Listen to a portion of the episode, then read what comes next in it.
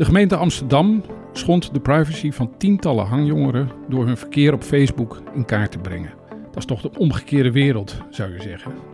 De bescherming van privacy is in mijn ogen veel te ver doorgeschoten als openbare bronnen maar beperkt gebruikt mogen worden om overlast of misdaad aan te pakken.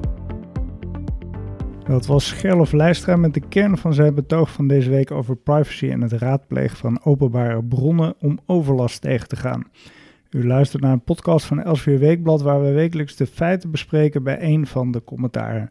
En mijn naam is Vincent Andriessen. Gerlof, de aanleiding van jouw commentaar is een bericht dat de gemeente Amsterdam de privacyregels heeft overtreden. Kun je uitleggen wat de gemeente precies gedaan heeft? Ja, er was uh, overlast van uh, twee grote groepen hangjongeren, zowel in Amsterdam-Zuid als in Amsterdam-Noord.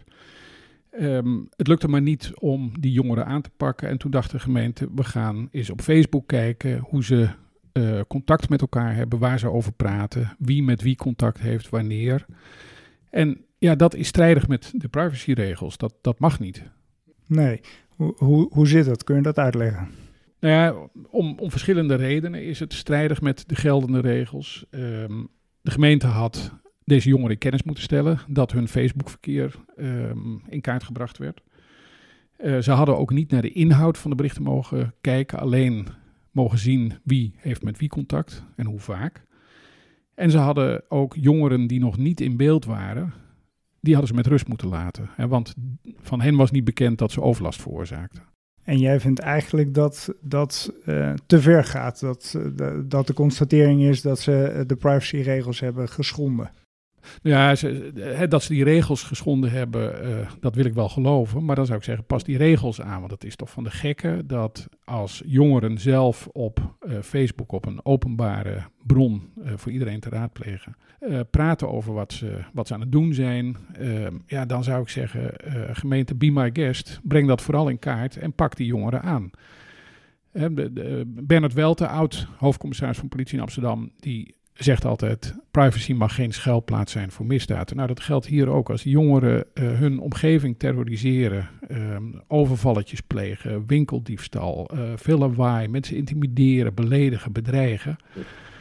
En de buurtagenten kunnen daar onvoldoende aan doen. En de bewoners zijn bang. En de ondernemers zijn bang, want dan krijg je meteen een steen door de ruit als je, als je er wat van zegt. Dan vind ik het prima dat de gemeente kijkt wat ze kunnen doen. Hoe, hoe, zou je, hoe zie je voor je dat die regels dan uh, aangepast zouden moeten worden? Nou ja, ik denk dat als je een enquête zou houden in, uh, zou houden in Nederland, dan zegt 9 van de 10 uh, geënquêteerden zegt, ja, waarom zou dat niet mogen? Het staat gewoon op een hè, publicatiebord, zou je kunnen zeggen, wat iedereen kan inkijken.